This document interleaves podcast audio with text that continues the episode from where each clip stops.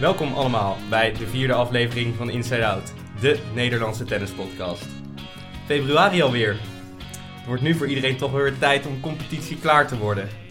Niet alleen maar tijdens de training voorhand en backhand drills, maar ook tijd om weer onderhands potjes tot de elf te spelen. Of misschien wel een paar oefensetjes als je je goed voelt. Dat heb ik in ieder geval de afgelopen week ook gedaan. Tegen mijn vaste dubbelpartner Jort, die zoals altijd hier weer naast me zit.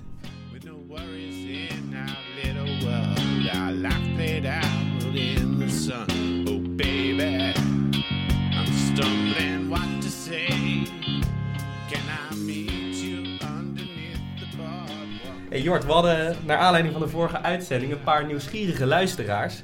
Die vroegen zich namelijk af of het nog gelukt was om eh, mee te trainen bij Tjerk Bostra. Ja, dat is gelukt. Eh, er waren nog een paar baantjes vrij, omdat een paar eh, jonge jongens toernooitjes aan het spelen waren. Dus we konden even een uurtje, uurtje tikken. Tjerk kwam af en toe langs om even te kijken hoe het ging. Maar dat was helemaal, helemaal mooi. Hij was wel onder de indruk hè, van jouw harde voorhand. ja, onze gast weet dat niet, maar eh, Jort is niet degene met, eh, met de meest dwingende slagen in het circuit. Ehm, maar eh, andere dingen die jou nog zijn, zijn opgevallen op de Tour de afgelopen week, Jort? Ja, ik heb van de week in Sofia een beetje zitten kijken op, op tv. Heb ik een ontketende Monfils gezien die weer erg goed speelde. Het is ook mooi dat hij hier in, in Rotterdam meedoet. Ik zag hem weer eh, ook weer sprong forehands maken onder in het net. eh, no-look dropshots. Eh, alles erop en eraan. Misschien was hij zich ook een beetje aan het uitsloven voor zijn nieuwe vriendin. Die zat in de box, eh Svitolina. Ik heb begrepen, Tim, dat zij nu niet in Rotterdam is. Hè? Daar hadden we we wel een beetje op gehoopt. We, we hebben het een beetje in de gaten gehouden, maar we, we hoopten dat ze ook hier in Rotterdam, dat ze er ook bij zou zijn. Maar ze is helaas al naar Doha gevlogen. En nog wat Nederlands tennis? Ja, Kiki heeft eh, vorige week natuurlijk een toernooi gewonnen. Heel knap in eh, Sint-Petersburg. Wat me ook opviel is dat zij nu op nummer 1 staat in het Aces-klassement. Ja, dat, dat was nou, nooit zo volgens mij, nooit een echt wapen. En dat begint nu wel echt eh, tot, een, tot een serieus wapen te worden. Dus dat is denk ik alleen maar mooi. Maar we zitten hier voor hele andere dingen vandaag, Tim. Ja, dat klopt. Je hebt gelijk. eh, we zijn dus aangeschoven hier in eh, Rotterdam. Vlakbij de, vlakbij de persruimte hebben we onze mobiele studio weer eh, neergezet. Dus we zitten hier in een kamertje. En ja, ik mag toch wel zeggen dat we dit keer ook echt wel weer een gast van formaat hebben die is aangeschoven. Ehm, en die zal ik meteen maar even aankondigen zoals ik dat altijd doe. Want ja, hier tegenover me zit hij. De man die graag op visvakantie gaat met familie. En dat in het ideale geval nog combineert met een bezoekje aan een pretpark vol met achtbanen. De man die geklommen heeft naar Mount Everest Base Camp in Nepal. Die de auteur is van het boek Harde Ballen, wat meer dan 50.000 keer over de toonbank gegaan is. Het is ook de man die na zijn carrière nog grote parallellen vertoont met Melle Washington. En natuurlijk herkennen we hem vooral, en ik zeg het er voor de vorm toch maar weer even bij, de man die in 1996 Wimbledon won, maar ook die in 1998 bijna weer de finale haalde. Het is ook de man die nu toernooidirecteur is van het ABN AMRO WTT en vorig jaar op het laatste nippertje Roger Federer binnen wist te halen. Tegenover me zit hij al een klein beetje te lachen. Richard Krajicek. Goedemorgen. Wat leuk dat we hier eh, te gast mogen zijn eh, op jouw toernooi. Welk onderdeel van de intro eh, zet je al een beetje aan het denken? Ehm, ja, het enige was over die parallellen Washington. Voor de rest, ja, dat, klopt eh, zeg maar allemaal. En, ehm, ehm, maar de, de enige dat ik dacht van, wat zijn die parallellen dan? Dus daar dacht ik, en daar heb ik nog steeds geen antwoord op. Dus dat ga je mij denk ik nu vertellen wat dat was. Al is.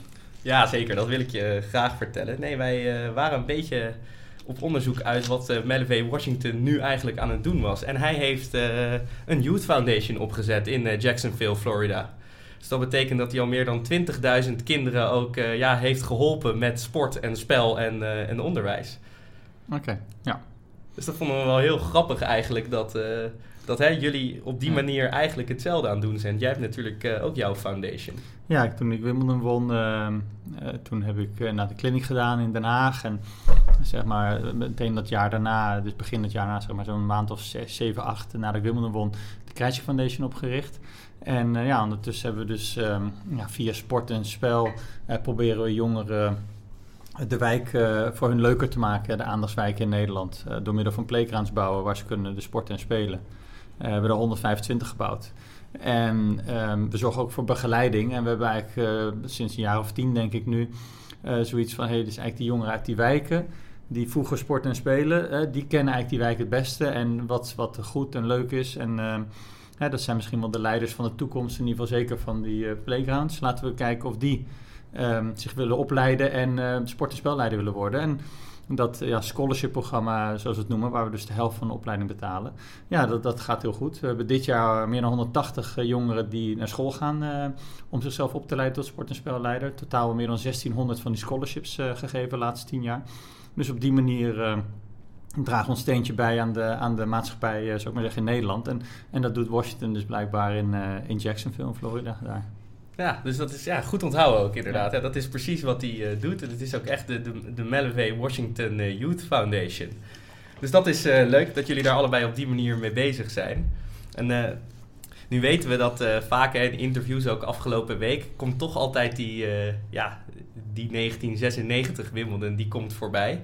En daar is al veel over gesproken. Wij vonden het eigenlijk veel interessanter om eh, te kijken of jij de luisteraars een beetje mee kan nemen naar eigenlijk die 1998 Wimbledon. Sowieso een hele interessante Wimbledon. Ehm, Roger Federer won daar het jeugdtoernooi in de enkel en de dubbel. Kim Mhm. Kleister stond er finale. Elting Haarhuis won in 98 eh, de titel. Eh, Serena Williams op 17-jarige leeftijd pakte de mix. En jij eh, was toen negende geplaatst. Weet je nog, weet je nog wat er toen, eh, ja, hoe je dat toernooi beleefd hebt? Ehm, eh, ja, dat was. ehm, eh, ik weet nog wel een aantal dingen. Ik weet natuurlijk die wedstrijd in de halve finale goed met Ivanisevic. Ehm, maar ja, de, de, de, de- ik weet nog de, de- de, de wedstrijden De loting misschien? daarvoor. Ik weet ook van Wayne Ferreira had ik voor mij gewonnen. Eh, daar gleed nog een beetje heel vervelend te- tegenuit. wa- wa- Wat, eh, maar gelukkig niet ernstig genoeg om niet te spelen. Ehm, en toen dus die, die halve finale tegen Ivanisevic. En eh, ja, dat was toch wel ja, echt een probleem tegenstander voor mij. De eerste twee keer dat ik tegen hem speelde, won ik. Vrij makkelijk van hem eigenlijk. En de derde keer dat we speelden, moest ik opgeven tijdens de wedstrijd. En toen, op een manier, begon hij erin geloven dat hij mij kon verslaan. En toen, uiteindelijk voor mij, zijn we mijn carrière geëindigd met 8-2 voor hem of zo. En echt bizarre wedstrijden dat hij... eh, dat ik echt voor stond en dan eh, had hij een tweede service en dan sloeg hij hem 200 km per uur en die viel dan in. En eh, meer dan één keer gebeurde dat. Ik had het nog met de coach van Kachanov over. Dat was vroeger de coach van Ivanisevic. Maar Wimbledon ehm, ja, had ik eigenlijk helemaal geen kans. En stond 2-6 tegen 0 achter. ja, breekjes 5-3 ook, hè? 5-3 achter. 40-15 op de service van Ivanisevic. Die slaat een ace, of in ieder geval on, onhoudbare service. Ik loop naar het net om handen te schudden. En umpire zegt net eerste service. Dus hij moet het punt opnieuw spelen. Ik win dat punt, win punt daarna. Ik breek hem, 5-4, 5-5, win die set. Win de vierde set. Vijfde set breek ik hem op 2-2, vijfde om 3-2 voor te komen. Dus voor het eerst in de wedstrijd sta ik voor. En ik kan me herinneren dat ik niet eens zo'n slechte game speelde. Eigenlijk best wel prima game. En hij slaat een paar ongelooflijke ballen om terug te breken. En ehm, ja, en toen, eh, ja, wat er toen een beetje gebeurde, kwam erin dat die, die ik was tegen Ferreira was ik, eh, was ik eh, toen uitgeleden en ik was een beetje, mijn knie was overstrekt, dus en die begon steeds meer op te spelen. En ja, de beweging niet meer lekker, was echt een beetje, ging niet goed, maar ik serveerde zo goed, dus ik bleef maar in die wedstrijd. En toen, volgens mij, uiteindelijk is het iets van 15-13 geworden. Maar ik wist, eh, ik, kon helemaal die return eh, niet meer eh, echt lekker slaan toen, weet ik nog want ik kon niet meer goed bewegen, maar ik serveerde zo bizar. Ja, toen helaas werd ik op een gegeven moment gebroken en was het voorbij. Dus ja, helaas is die regel te laat gekomen dat we die tiebreak hadden, want dat was mijn enige kans geweest. Als we in die vijf set tiebreak hadden dat het om één of twee punten gaat, had ik misschien nog kunnen winnen, maar... en dat was jammer, tegen Sampras, ja, dat was toch wel een jongen waar ik graag tegen speelde. Ja, ik vind het toch, toch bijzonder dat, eh, dat ook van Ivanisevic, hè, want die staat gewoon in principe, die heeft die wedstrijd eigenlijk gewonnen. En dan verliest hij die derde set, dan verliest hij die vierde set. Had je niet het gevoel van, ja, vijfde set, eh, nu, nu gaat hij er gewoon, eh, weet je, dit, dit, dit gaat hij niet mentaal nog een keertje op kunnen brengen? Nee, maar dat was ook het raar. Want wat ik zei, ik breek hem en ik denk van oké, ja, ik ben echt in, de winning mood. Ik ga dit gewoon winnen. En, ja, hij sloeg een paar hele goede returns. Sloeg een, voor mij een soort passing uit de glij, wat Djokovic nu wat normaal is. Maar in die tijd was dat niet normaal eigenlijk. Ja. En hij gleed over dat, ja, het was ongelooflijk. Hij brak me voor mij op 45 met 40, 15, 40. Ehm, ja, En ik had daarna van, ja, ik heb niet... eh, soms denk ik, oh, dat is echt een slechte game. Maar het was niet eens zo'n slechte game voor mij. Ja, en toen waren we dus gelijk. En dat was gewoon jammer. Als, ik, ja, als je die break kan consolideren, een 4-2... Ja, dan is het wel een erg grote achterstand voor hem. Maar ja, dat is dus niet gebeurd. En... ehm, maar hij, ehm, ja, het was, eh, hij, had altijd een manier, eh, kreeg voor elkaar wat extra's te doen tegen mij. We hadden het toen met die coach over, dus van de week, van ehm Kachanov. Dat eh, ik speelde tegen Goran toen in de poolfase van de World Tour Finals. Het heette toen de Masters. En het stond ehm, eh, voor mij 6-5 voor mij in de derde of 5-5 en in op zijn service. En twee keer had ik, had ik die breakpoint en twee keer slaat hij zo hard als hij kan. Eén keer nog via de tape ging net eroverheen, dus let tweede, tweede service. En hij maakte ze gewoon. Nou oké, want het ging erom wie naar de halve ging. En de volgende dag zat- was ik daar nog, zat ik te kijken. En, of in ieder geval, was er misschien niet, maar ik zat te kijken op tv. En exact dezelfde score tegen Sampras. Maar daar had hij juist, wat hij tegen mij de vertrouwen had, had hij tegen Sampras juist niet. En, eh, en hij gaat voor die serve, slaat een dubbel fout. En hij zei, ja dat klopt, dat is ongelooflijk. Eh, Hij ging ervoor tegen jou. En ik heb hetzelfde meegemaakt in Wenen. Ook volle bak voor, was ook eind de derde set. En ja, hij voelde zoveel vertrouwen tegen mij. En dat was echt irritant eigenlijk. Knap is dat. Kon je, kon je dat zelf met je service? Dat je gewoon eigenlijk je tweede als een eerste sloeg? Nee, Kon dat- je dat mentaal? Want dat Nee, lijkt me zo nee, moeilijk. ik deed dat nooit. Misschien als ik 40-0 voor stond. Maar nooit op 30. Ik- Dat vond ik echt... Ja, dat was toch de... Kijk, toen ik jong was... 12, toen was ik, eh, stond bekend omdat ik alleen maar hoge ballen sloeg. Niks missen. Dus er zat iets conservatiefs in me. Iets afwachtends, verdedigends. En... ehm, ja, dat is altijd in me gebleven. Ik weet nog, ja, ik was natuurlijk surf volley spelen, aanvallen, maar ik weet dan zeker op de return game moest ik echt af en toe tegen mezelf zeggen: Oké, als de tweede service komt, ga je nu slaat en kom naar het net. Of je chipt, slice, kom naar het net.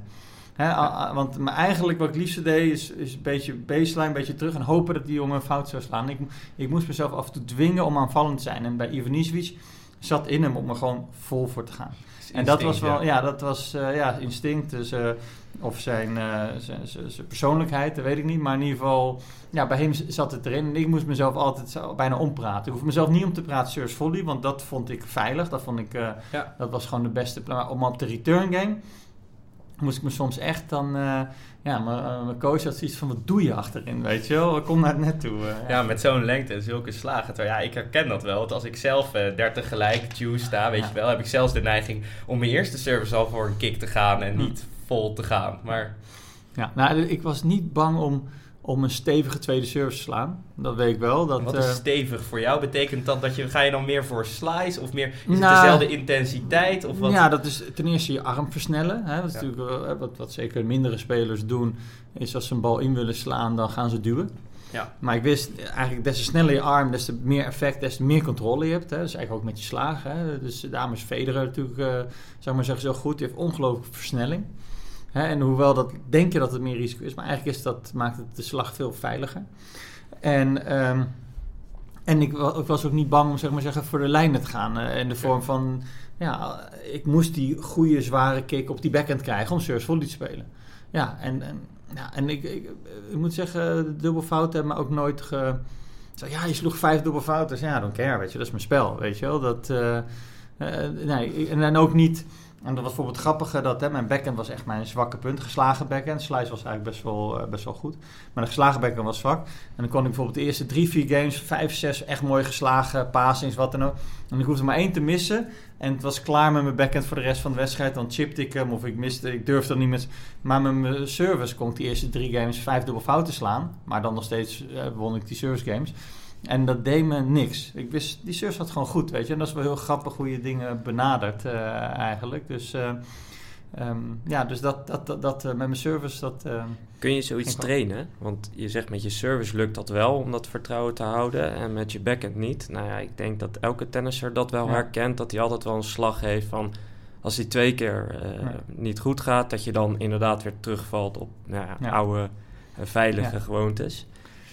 Ja, het is moeilijk om te trainen. Dat, eh, ik denk dat je moet een manier trainen, bepaalde, bijna een bepaalde afstand en, en een bepaalde ja, logica. Want ik merk dat als ik nu senioren tennis speel, mijn backhand is eigenlijk beter. Want ik weet wat ik moet doen. Ik weet dat ik moet versnellen als ik nu mis. En ik, is nog, eh, ik, ik speel natuurlijk niet zo superveel. Maar ik, ik, ik maak nu veel meer backhands en veel meer passings. Omdat, ja, mis ik. Maar ik zei, ja, dit is toch de Ik moet versnellen. Ook misschien omdat ik eh, coach, weet je wel. Dus dan weet je, dat is de manier. En dan kan je wel gaan inhouden of zo. Maar eh, dat, dat, ja, daar wordt het alleen maar slechter van. En eh, toen ik speelde, gaat emotie en, en spanning gaat overhand nemen. Ja, en dan ja, ook heel vaak dan uh, zei ik, ja, je raakt hem gewoon naast je, weet je wel. Of bijna achter je. Want dan kwam die bal en dan ben je zo lang mogelijk aan het uitstellen. Ja, en dat is zo mooi aan Federer, als je al die, al die eh, foto's van hem ziet. Die, die bal raakt hij zo ver voor zich. En die linkerhand is helemaal ontspannen. Ik moet zeggen, wel eens de enige speler die ook een ontspannen linkerhand heeft voor mijn gevoel. Nadal, en als bij mezelf, ik had ook een hele rare hand. mijn linkerhand zat er al het gespannen uit. Maar ja, eh, je raakt gewoon voor je. En eh, ja, dat is als je vertrouwen van je moet die bal te, tegemoet treden eigenlijk. En, en dat is gewoon de manier. En uh, als ik nu gestopt ben en het interesseert me minder eigenlijk. Dan merk je dat je eigenlijk beter bent met, met dat soort dingen. Omdat je doet dan het goede. En als het dan fout gaat, ja, maakt niet uit. Ik heb toch het goede gedaan. Ga het nog een keer doen. En je zegt dat je nog seniorentennis speelt, dus je, je, je speelt dus blijkbaar nog af en toe, misschien niet zoveel meer. Dus vaak toch met die, die servicekanonnen van vroeger, die hebben eigenlijk geen schouder meer over. En kun, kun jij gewoon nog wel echt vanuit je schouder gewoon lekker versnellen en heb je nog steeds, uh, laat ik het zo zeggen, een stevige service? Nou, ik had tot, uh, ik merk wel dat zeg maar de laatste, ja, ik, ik heb vijf jaar geleden een zware knieoperatie gehad en ik moet zeggen dat het vanaf dat moment is alles minder geworden. Toen was ik dus 42. Maar tot mijn 42 was ik eigenlijk wel een goede speler, al zeg ik het zelf. Dat, uh, dat mag je zeggen. Mijn service, uh, ik had zelfs één jaar, en ik weet niet hoe oud ik toen was, misschien was ik toen 39 of zo, 40, maar zo rond die tijd. Toen had ik nog de hardste service op Wimbledon. Inclusief de profs. Alleen helaas werd bij oude mannen niet gemeten, maar voor mij Tsonga toen de hardste van dat jaar was 138 maal en ik had 139 geslagen. Alleen ja, dat wordt niet geregistreerd beeld, maar het is op diezelfde soort banen, dus dezelfde snelheidsmeter. Nee, ik kon echt nog, uh, alleen je hield het niet vol en de percentages waren natuurlijk ook een drama. Maar, uh, en wat ik heel goed had was mijn running forehand. Dat was ook altijd een wapen, zeg maar, van me. Nou, en sinds die operatie, en, en die moest ik hebben omdat het niet meer goed ging met mijn knieartrose. Maar uh, als ik nu tennis, nou, ik, nee, die running forehand is er niet meer. En, uh, en het grappige is, ik serveer eigenlijk niet zo goed, maar dat komt meer door mijn linkerschouder. Ik heb, er is iets met mijn linkerschouder. Ik kan niet meer lekker die bal opgooien. Hè, een vriend oh. van mij frozen shoulder gehad. Nou, dat heb ik niet. Maar als ik in die uiterste stand kom, het lijkt wel of die, dat soort, uh, dat die zenuw daar beklemd wordt. Als ik, als ik dit doe, het gaat nu wel weer beter. Ik heb veel getraind. Maar ik, ik kon op een gegeven moment. nou, eh, en dan, als je je niet lekker kan opgooien, kan je ook niet, strek je niet goed uit. En ja, dan begin je al niet lekker. Even voor de luisteraars. We zien hier Richard Krajicek. dus ook wel een keer of tien die bal opgooien. Dus ik heb ja. goed opgelet. Goed kijken naar de meester. Ja. Nou ja, ja. Opgooien, uh, bal opgooien, wat belangrijk is. Het is niet gooien. Probeer ik altijd als mensen, als ik soms uh, vragen mensen om tips. Zeg, het is de bal loslaten. Want daar gaat het eigenlijk mis. Mensen gooien. En als je gaat gooien met je pols en zo. Maar je begeleidt hem en op het einde laat je hem los. Je echt, uh, en dat, dan heb je de meest, hoe zeg je dat, regelmatig opgooien. Nou, het is in ieder geval wel iets waar wij met z'n tweeën nog wel wat werk te verzetten hebben. Wij dubbelen dus ook wel eens, okay. Richard. En dan is het weinig bom hoor. Dan is het gewoon met z'n tweeën van achteruit een beetje... Oh nee, achteruit. Ja, dat is wel jammer. Kijk, ik dacht zoiets van, ja, je hoeft niet altijd bommen te slaan. En ik wou net zeggen, degene die aan het net staat, dus de tweede man die, zo, die is verantwoordelijk voor dat je je service game houdt. Maar uh, nu kun je niemand de schuld geven als je het niet uh, redt, maar je staat allebei achterin. Nee, we gaan niet echt allebei achterin staan hoor. Dat was, dat was een beetje gechargeerd. Uh, we proberen het wel met kunst en vliegwerk een beetje recht te trekken. En je haalde net Federer al aan. Um, vorig jaar was denk ik wel een van de meest bijzondere edities. Ook voor jou als toernooidirecteur lijkt me. Kijk, wij waren dat natuurlijk aan het volgen en uh, we houden ook van de statistiekjes. Dus we waren al aan het rekenen en we dachten van... hé, hey, als Federer nou hier precies die punten haalt in Rotterdam... dan kan die nummer 1 worden. En hm. misschien één, twee dagen daarna kwam het persbericht eruit. Ja. Kun je ja. ons vertellen hoe, hoe zoiets gaat? Wij zijn dan zo benieuwd dat, uh, weet je, dat... Hm. Belt hij jou dan op of heb je hem toch nog hm. geprobeerd? Heb je ook dat sommetje even voor ja. hem gemaakt? Nou, het was wel grappig. Je hebt, je hebt zo'n app en dat heet LTR, Live Tennis uh, Ranking. Ja, en daar kan je alles op zien hoe, tijdens een toernooi, uh, hoe, welke ranking die staat tijdens die week eigenlijk. En als hij de volgende wedstrijd wint, hoeveel punten hij erbij krijgt. En toen gaf Nadal op tegen... eh, of nee, dat was eigenlijk daarvoor al. Dus Nadal moest kwartfinale tegen Silic. En ik wist eh, dat dat een zware pot ging worden. En toen had ik een mail gestuurd eh, naar, eh, naar Dimitri eh, van, van Ahoy. En ook nog mijn baas, Jolanda. En ik zei van... ehm, als Nadal verliest morgen en Federer wint het toernooi... dan kan hij bij ons nummer 1 worden. En zou die zomaar kunnen mailen. Nou, Nadal geeft op of hij verliest. Ik weet niet, voor mij gaf hij op in de vijfde of zo Ja, tegen. Silic, zoiets was het. Ja. Ja. En ehm, dus toen eh, dacht ik, van, nou, ik ben benieuwd. Dus hij wint en ik, en, eh, en ik had mijn mail al klaar naar zijn manager. Ik denk, nee, laat hem maar een keer naar mij toe komen. Oh ja? Ja, en, eh, want als hij wil, dan wil hij. En als hij niet wil, dan, dan gaat hij me toch niet benaderen. Je hebt En, Hard to Get gespeeld vorig jaar. Nou, niet hard to get, maar ik denk laten we hier van een beetje de rol omdraaien. Want het is altijd dat juist toernooi wil dat hij komt. En, en nu is geval het gevoel geval wederzijds, zou ik maar zeggen. Want eh, niet dat we niet wilden, helemaal. Die wilde hem toch steeds heel graag. Maar in ieder geval, hij wilde ook komen. En dat, ja, dat helpt in de onderhandeling. We hebben echt wel goed, goed, flink geld bespaard, zou ik maar zeggen. En ehm, dus toen kreeg ik een mailtje van, ja, hij wil misschien komen. Want hij wil, ging hij wel een verhaal ophouden. Ik zeg, ja, inderdaad... eh, dus mailde ik terug, eh, wat leuk dat hij nummer 1 bij ons kan worden. En ik laat hem meteen weten dat hij ja, zijn verhaaltjes nergens... eh, want hij wilde natuurlijk niet laten merken dat hij graag wilde komen. Maar eh, Ja, dus hij zei van, ja, makkelijk- ja, nee, nee, nee, goed. nee, hij had iets van, ja, de wedstrijden waren niet te vermoeiend. En, en weet ik veel, er kwam helemaal een verhaal. Kwam die, dus ik denk, laat hem merken. Toen konden we in ieder geval gewoon st- streed met elkaar praten. En toen, één of twee dagen later, belden we elkaar en zei, ja, hij heeft nog iets op zijn rug. Ehm, eh, weet hij niet, is een klein beetje stijf, dus we moeten even kijken hoe dat eh, gaat in de training. Toen waren we dus zeg maar op, ja, ik denk op donderdag, vrijdag, voor dus tien dagen voor het toernooi waren we eigenlijk al rond of zo, ik weet niet precies. Maar wij, en toen was van, hij wil nog een paar dagen trainen. En toen, eh, ja, nou, maandag eh, zou, nou ja, hij twijfelt nog, dinsdag. nou, toen werd iedereen ahoy, want we hadden alles klaar. Hè. We hadden, eh, want we zouden het dan voor mij dinsdagavond horen, uiteindelijk zei nee, je hoort het dan woensdagavond. En eh, we hadden de billboards klaar, internet was klaar, we hadden iedereen bij de kassa teruggehaald van die moest gewoon, we wisten dat het zou exploderen. Nou, en toen, om bij die een uurtje of acht, s s'avonds, of ik weet niet precies, kwam het verlossende woord. En toen, ja, ik denk dat twintig minuten nadat we het hoorden, hebben we het bekendgemaakt. Nadat we zeker wisten dat alles klaar was, toen, ja, druk op de knop. En toen, ja, was bizar. En toen eh, hadden ze iets van, fuck, ja, misschien een beetje te laat dat we het bekendmaken. Maar de volgende ochtend, eh, zo'n 12, 14 uur na bekendmaking, hadden we 10.000 kaarten verkocht. Ja, dat sterker was- nog, ik ken mensen die dachten nog even snel kaarten te kopen voor de donderdagavond. dus die hadden kaarten voor donderdagavond gekocht, maar wel voor 2019. Dus die, Oh, zit, dus die zitten Oh. deze week zitten die op de tribune. oh, dat is wel, eh, ja.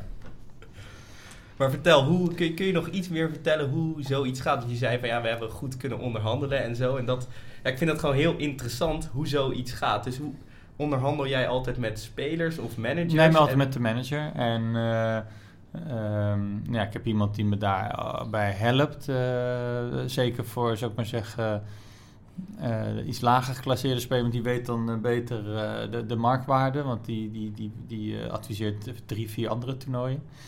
En eh dat is gewoon van een managementbureau is eh, die persoon. Dus dan, eh, dat is altijd wel goed. Dan zeggen, nou, kunnen we dit doen? Ze, nee, nee, we kunnen wat strakker onderhandelen. Zo, nou, prima. Maar met, met, met Federer, met Nadal, eigenlijk met Zverev ook een paar mensen, dan, dan, dan, dan dat doe ik eigenlijk direct. En dan overleg ik natuurlijk eh, eh, met, eh, met, met- binnen Ahoy met een paar mensen. Ehm, maar er komt ook dat Federer, Nadal eh, en ook Murray bijvoorbeeld, n- Zverev nog niet, maar weet je, dat gaat het budget vaak te boven. Dus dan moeten er andere toestemmingen worden gevraagd. Ja, snap ik heel goed. Ja. Dus, maar dat doe je dan direct en dat gaat meestal gewoon per mail. Merk je wel. Jij belt wel. Ja, nee, het is toch wel meestal wel me- menselijk. Gewoon bellen vaak wel. En dan, eh, ehm, en dan eh, is het, het, puntje op de i gaat dan via de mail. Ja, en dan zijn niet altijd contracten. En tot wanneer eh, betalen jullie eigenlijk mensen extra? Ik kan me voorstellen, Federer betaal je natuurlijk veel extra. Zverev, nou, nou, Silic bijvoorbeeld zal waarschijnlijk ook. En tot, tot welke... Ja, hangt Ja. er vanaf.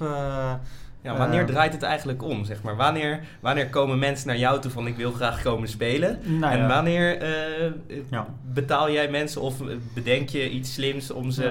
te nou laten ja, komen dat, spelen? nee, dat is gewoon, eh, we maken van tevoren een, een, een, een, plan, zou ik maar zeggen. Hè. Wie, wie, wie willen we vragen? En de leidraad is nu een breed veld, veel topspelers. eh, eh, en als we kans hebben op een absolute topper, dat is mooi, zoals we met Federer vorig jaar hadden. Maar we weten dat dat niet ieder jaar eh, kan. Maar zoveel mogelijk eh, toppers, eh, ook aantal van next gen eh, proberen. En, eh, en wat Nederlanders eigenlijk. Dat is een beetje de, de strategie, de, de, zeg maar. strategie inderdaad. En, ehm, en af en toe wat aansprekende spelers. Nou, een voorbeeld van aansprekende speler is Nick Kyrgios. Ja, niet gekomen helaas dit jaar. Nou, Maar Richard, die- hij is vier keer niet gekomen, hè? drie, nu? drie keer, drie keer, drie keer. Oh, drie keer. Ja. Dus maar niet dat dat minder erg was. Nou, nee, kijk, die eerste keer was natuurlijk heel ongelukkig hoe dat liep met dat basketballen en zo. Maar ja, het is een jongen die nou eenmaal vaak geblesseerd is. Hè. Ik sprak net eh, iemand van ATP, zei ja, ja, ehm, die werkt ook voor het toernooi van Basel. Zei ja, van mijn gevoel zegt hij ook daar ieder jaar eh, af. Dus ja, het is gewoon een jongen met niet eh, met meest fijne fysiek. Dus eerste jaar was inderdaad niet fijn. Maar vorig jaar en dit jaar, ja, het gaat gewoon niet, niet echt lekker. En ik heb toen na Australië, eh, want we wilden iemand, eh, die, die, die Simonic, die komt van een heupoperatie. En, en die wilde graag weer dubbelen. Als je met, hij zei, ja, ik kan met Nick waarschijnlijk spelen. Zei, nou, als je met de Kyrgios speelt, hè, dan, dan kan je een wildcard krijgen. En ehm, hij zei, maar hij twijfelt nog. En toen had ik met die manager gesproken. Zei, ja, hij dacht erover na, maar hij doet het niet. Want hij gaat eerst naar Amerika toe om naar zijn knie te laten kijken. Hm. Is waarschijnlijk geen probleem, maar hij gaat gewoon voor de single alleen. Eh, en dan nu hebben mensen in Amerika gezien van ja, zie je wel, hij was niet eens van plan om te komen, want hij zit al in Amerika. Nou, dat was het dus niet. Hij ging daar speciaal naar Amerika om, daar is een specialist die die dan vertrouwt, of in ieder geval van gehoord heeft dat hij heel goed is. En daar wilde hij gewoon een mening van hebben. Ja, en die heeft gewoon gezegd dat hij even niet kan spelen. Eh, hopelijk speelt hij nu wel, dat weet ik niet. Ehm, nee, dus, dus nee, het is niet fijn. Hè? Misschien dat je denkt van, weet niet of we hem nog gaan aankondigen. Maar ehm, ja, als hij volgend jaar eh, wil komen, vinden we dat fijn. Maar we zullen hem niet meer, denk ik niet dat we hem zo zullen aankondigen van dat hij komt. Weet je wel? Dat, zes weken voor het toernooi, dan wordt eh, het schema bekend. Dan zullen mensen hem zien. eh, als hij erop staat of niet. Maar het is niet dat we hem in oktober of november, wat, wanneer we spelers wel eens aankondigen. Dat denk ik niet, want ja, dat, dat heeft niks eigenlijk met hem te maken. Maar het is meer naar het publiek toe van, oké, ehm, ja, eh, we gaan niet eh, daar eh, te actief mee bezig zijn. We kijken, we- het, is, het is een hele interessante speler. En goede getalenteerde speler. En, en als die wil komen, is die, is die ik maar zeggen, welkom. Ehm, maar dat is dus een voorbeeld van iemand die... Nou, hij stond voor mij 35 en nu staat hij zelfs 65. Eh, en dat is wel iemand die dan startgeld toch betaalt. Hè, omdat hij toch aantrekkelijk is voor het toernooi. Maar ook zelfs bij hem eh, gaat de prijs natuurlijk wel omlaag als hij lager gaat staan. Ja. Eh, maar dat is wel iemand die bijvoorbeeld als hij top 10 staat, of nou, maakt niet eens uit, als hij top 20 staat, is hij duurder dan andere top 20 spelers. En dus ook als hij top 10 staat, ook duurder dan andere top 10 spelers. Hè, en datzelfde met, dan is Federer en Nadal weer andere categorieën, zeker Federer. Hè, ook al staat Federer 10, is die andere prijs dan andere top 10 spelers. Waarschijnlijk nog steeds andere prijs dan de nummer 1 van de wereld. Ja, snap ik heel goed. Ja, want je, je, je komt ook voor hem. Dat, Hm. dat is denk ik ook zo. Ehm, je zegt, is duurder dan top 20 spelers. Dus, maar be- betaal je uiteindelijk iedereen buiten het prijsgeld om in het hoofdschema? Eh, nee, niet iedereen, maar je hebt een bepaald groepje. En denk je van, oké, nou nu is het eh, klaar. En dan bijvoorbeeld de Medvedev top 20. En die heeft zich gewoon aangemeld. Maar ja, die zouden we eh, misschien wel, als, die, als we zoiets hadden, we willen nog top 20 spelen. Maar op een gegeven moment zeggen, nou, we hebben nu genoeg spelers. Ja, en dan... ja, en, en, maar eh, de leidraad is een beetje eh, ja, eh, top 5, top 10. En dan ook een aantal top 20 spelers, ja. Maar niet, allemaal, niet allemaal. En we hebben ook wel eens top 10. eh, Gasquet was een paar jaar geleden, die was top 10. Die hebben we ook niet betaald. maar die had zich ook gewoon aangemeld. Want die speelt toch Montpellier en ook de week na ons in Marseille. Hè, maar dat is niet iets waar je gewoon vanuit wil gaan. Je wil gewoon een goed veld kunnen presenteren. Ja, snap ik heel goed. ehm. En betaal je dan altijd gewoon startgeld vooraf? Want ik kan me voorstellen, je kunt er ook nog wel iets slims in bedenken. Van ik betaal per ronde dat je verder komt. Of eh, weet je, Hm. de, Nee, dat, daar houden we niet van, want dat vragen ze wel eens om. En dan zeggen van, nee, dat noemen wij prijzengeld. Dan zeg je, ja, krijg nog een bonus per ronde? Ja, dat heet prijzengeld, weet je, bonus per ronde. En, eh, maar wat we wel eens doen, ehm, als eh eh, bepaalde rankings, of misschien als finale of winnen van een Grand Slam, dan kan er ook nog meestal winnen van een Grand Slam ook nog wel een extra bonus, want dan is spelen aantrekkelijk geworden. Maar ook eh, ranking eh, zitten er soms wel in, ja. Maar ronde bonus, eh, nee, hebben we wel gedaan, maar ja, dat is eigenlijk een beetje raar. Weet je, zeker, ja, de winnaar krijgt echt wel veel geld momenteel. Hey, je hebt ook ja, te maken met afzeggingen. Zverev bijvoorbeeld, eh Dimitrov naar uh, laatst. Heb je daar ook van tevoren al een soort eh, backup plan? Want volgens mij toen Zverev af had gezegd, toen eh, de dag zelf werd bekendgemaakt dat eh Berdych een eh Ja. wildcard kreeg. Ligt dat allemaal al klaar? Of? Nou ja, Berdy vroeg om een wildcard. En een paar dagen voordat Zverev had afgezegd, toen hadden we die al toegezegd aan hem. We hadden zoiets van, maar oké, zeg, wa- wacht even met bekendmaken. En toen kon het op die manier combineren. Ja. Maar eh, nee, normaal komt gewoon de volgende in, die, die, die eigenlijk in de kwalificatie zitten, die komt er dan in. En soms kan het een interessant iemand zijn. Ja, bijvoorbeeld een Klizan, hè, die kwam erin omdat een paar mensen hadden afgezegd. Nou, Robin. winnaar heb je een verhaal. Hè, Robin en daardoor kon. Talon eh, kreeg dan de wildcard. Maar soms eh, heb je ook een, ehm, ja, een Kukushkin bijvoorbeeld, hè, waar Robin ja, daar hebben we geen verhaal bij. Dus dan, ja, dan, moet je, dan zeg je, ja, die gaat eruit en komt uh, Kukushkin erin. Maar daar, daar vertellen we dan, daar is niks bij te vertellen. Maar bijvoorbeeld met Zverev eh, was dat. En ja, was niet ideaal natuurlijk, die afzeggers. En eh, eh, vorig jaar hadden we eh, ook, zullen we maar zeggen, wat tegenslagen. Maar ja, die vielen gewoon niet op. eh. ja, we hadden Tsonga had afgezegd. eh eh, Zverev verloor tweede ronde. Eh Dimitrov was ziek in de finale. We hadden geen goede finale. eh, eigenlijk geen halve finale van uh, Goffin kreeg een bal op zijn oog. Maar iedereen vond het prima, Roger is er. Dus, eh, dus alles was, eh, iedereen vond alles maar, eh zou ik maar zeggen, oké. Okay, Wawrinka verloor eerste ronde. Dus eh, dat is wel grappig. ehm, ja, zo- zo'n Federer is een, eh, die, die verhult alles voor je, weet je wel. Nobody cares, zou ik maar zeggen. Het gaat alleen om die persoon. Maar nu valt het inderdaad wat meer op. En ja, wat gewoon jammer is, dat er nog een paar... En je verliest je eerste, eerste twee geplaatsen. En dat is natuurlijk eh wel de drie top 10. En nu hebben we er uiteindelijk eh, één. En dat is natuurlijk eh, ja, jammer. Ja, dat denk ik. Ja. En, en Nishikori is dan denk ik binnen die top 10 misschien ook niet de, degene waarvan ik een poster direct boven mijn bed zou hangen, zal ik maar zeggen. Ehm, nee, maar het is wel een topspeler en hij is nog nooit hier geweest, dus er is wel wat. Maar daarom hebben, gaat het ook om het hele veld. Hè. Kijk, wie uit die top 10. Hè, dan heb je het echt over Federer, Nadal, Djokovic ook wel. zeker als hij nummer 1 is wel. Maar dan is het lastig om iemand te vinden dat je denkt van... Nou, en dan, dus het gaat om de hele groep. Zverev kan ook niet in zijn eentje een toernooi dragen. Maar Zverev, Silic, eh, Nishikori... en dan in combinatie met nog zes andere top 20 spelers... plus eh Wawrinka plus eh Kyrgios, dan heb je gewoon een gaaf veld, weet je wel. En dan kan je het wel hebben dat als één of twee mensen afzeggen, maar ja, er zijn nu al een paar mensen, eh, meer dan één of twee helaas. Ja, en je hebt Berdig nog en je hebt Klizan. Ja, ja we, hebben, nee, we hebben gewoon... Monfils. en als je ook, ja, inderdaad, en als je kijkt gewoon naar het schema, Chapeau, ik bedoel, eh, ik denk dat Nishikori Herberg gaat een mooie partij worden, de aanvallende speler tegen de baseliner. En dan heb je, als hij die wint, dan moet hij waarschijnlijk tegen Shapovalov, dat is ook een gave wedstrijd. Ja, dus je hebt gewoon eh, qua, qua mooie wedstrijden, hoog niveau, eh, ga, ga je echt veel gave dingen, denk ik, eh, deze week eh, zien. Dus eh, er is nog... eh, en dat is ook het nadeel van zo'n goed veld. Bijna iedereen die terugtrekt, dat is eh, een soort van, hé, hey, ben je die kwijt, weet je wel. Eh, dus eh, toen we alleen Federer hadden, eh, dan, ja, dan niemand interesseert zich voor de rest. Oh, die, nou prima, weg, weg, weet je wel, zolang Roger maar komt. En daar hebben we dus ook één keer meegemaakt, toen kwam Roger dus niet. En toen hadden we dus geen in top 10 speler. Ja, precies. Maar dan valt er wel een potje vrij, neem ik aan. Kun je dan niet iets slims eh, daarmee doen? Ehm, ja, toen hebben we Roger gehaald eh, een paar jaar later. Hè? Ja, precies. Toen heb je het even met rente op de bank gezet. En heb jij daar ook, eh, dat lijkt me tenminste een van de leukere elementen ook van het eh, organiseren van zo'n toernooi, een beetje de kans om wat persoonlijke relaties op te bouwen met die spelers? Of is het toch met name coaches?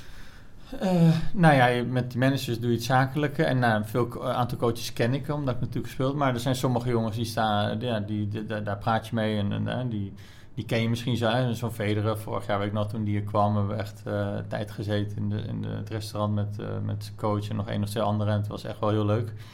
Ehm, een hele open jongen. En dan, ehm, maar dat, ehm, ja, nu eh, ook met een paar andere spelers, hè, met die Katjanov een tijdje gesproken, aardige jongen. En zijn coach ken ik nu omdat het coach van Ivan iets is.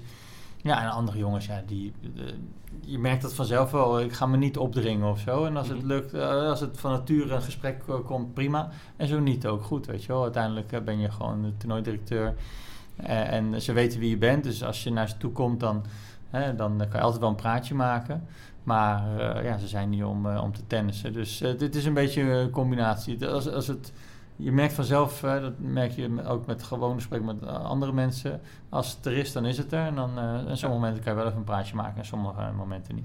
En wie van die jonge jongens zijn nou een beetje jongens met wie je wel echt iets langer dan één minuut kunt praten? Eh, nou, met zo'n Katjanov bijvoorbeeld. Hè, dat is een hele sympathieke jongen. Die is toch wel vrij eh, jong.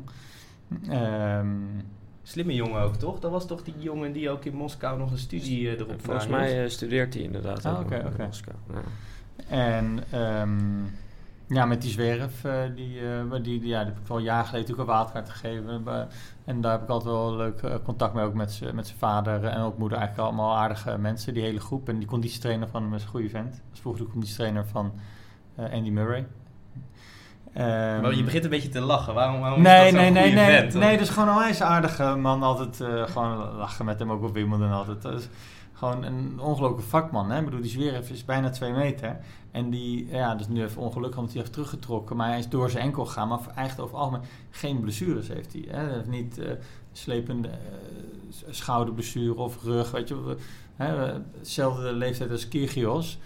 En eh zelfde talent ongeveer.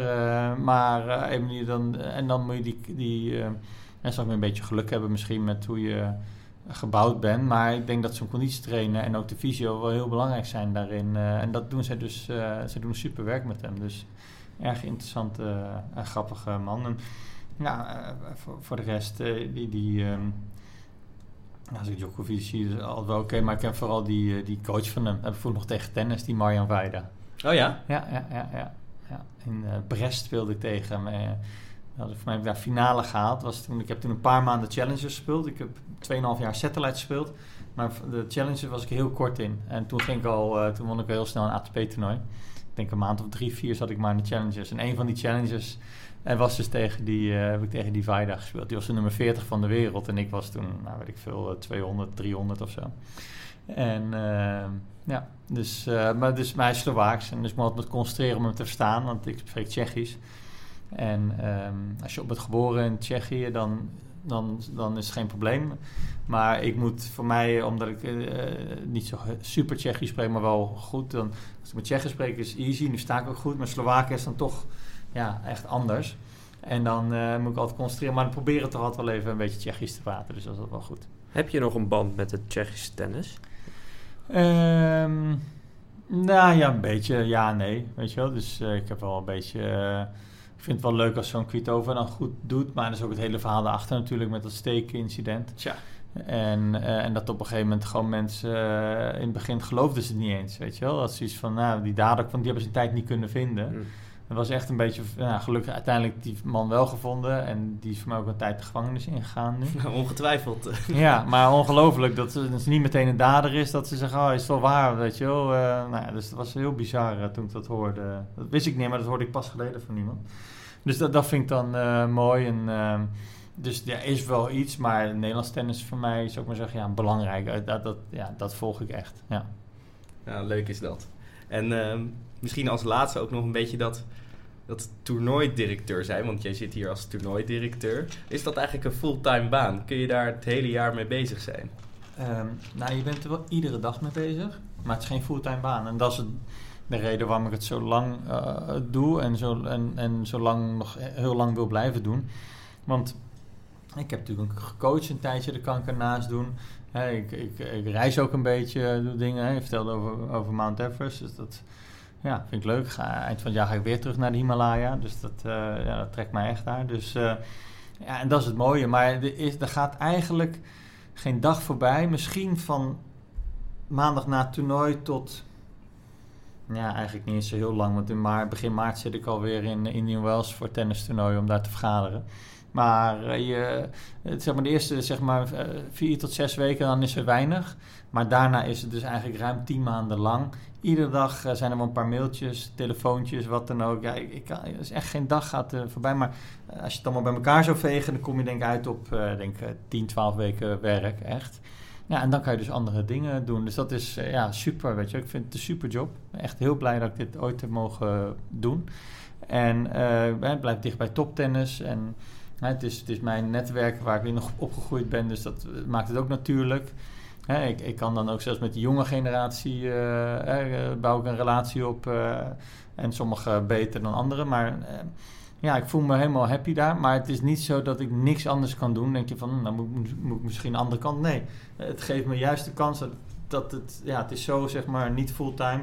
Dat ik dus andere dingen ook daarnaast kan doen. En daardoor is het in alle opzichten de perfecte baan. Ja, kan ik me heel goed voorstellen. Wat ik wel heel erg een beetje aan je merk is dat dat tennis, dat is bij jou niet weggegaan volgens mij. Hè? We spreken ook wel Hm. anderen eh, hè, die zeggen van, nou ja, weet je, na mijn profcarrière, ik, ik hoef geen racket meer aan te raken. Dat is, dat is klaar. Maar ik heb het gevoel dat bij jou dat tennis gewoon nog helemaal hier aan de bovenkant zit. Ja, tennis is wel eh, nog steeds een belangrijk onderdeel. En, eh, maar ik, ik, ja, ik ga soms wel eens drie maanden bij wijze van spreken dat ik geen bal heb geslagen. Dat kan, weet je wel.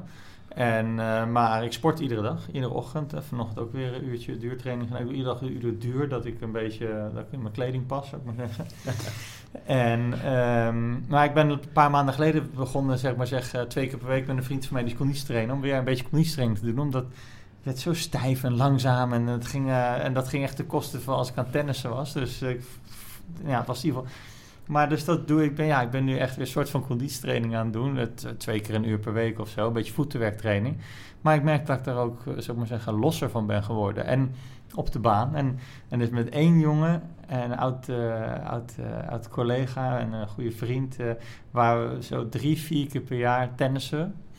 En eh, hij speelt nog Duitse competitie. Hij heeft eh, top 100 gestaan in dubbel. Misschien wel hoger, nog top 50. Met uh, Vernon Wibier. Ik weet niet of die naam je iets zegt. Ja, zeker. Die uit- van mijn leeftijd. We zijn tot en met 12 nog Europees kampioen geweest in de dubbel. Hm.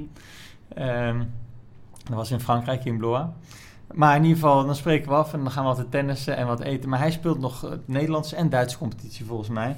Dus dan spelen we potjes. Uiteindelijk gaan we toch altijd potjes spelen tot de 10. En, eh, en dan met eh, service en zonder service. En eh, ja, zonder service dan... eh, ja, het is eigenlijk allebei lastig. Dus... eh, maar met service, dan ik ga kapot. Heel soms win ik nog het eerste potje of zo, want dan ben ik nog niet helemaal. Maar hij heeft nog zo'n goede conditie. Maar dat is, dan, dat is dan echt heel leuk. En dan denk ik, oh, dat moet ik eigenlijk vaker doen. Maar ja, dan denk ik van, nou, die, die, die, die wat zijn het, drie, vier, vijf keer per jaar, dat is eigenlijk wel prima zo. Maar het is wel heel leuk om dat te doen op die manier nog. eh, gewoon even tennissen.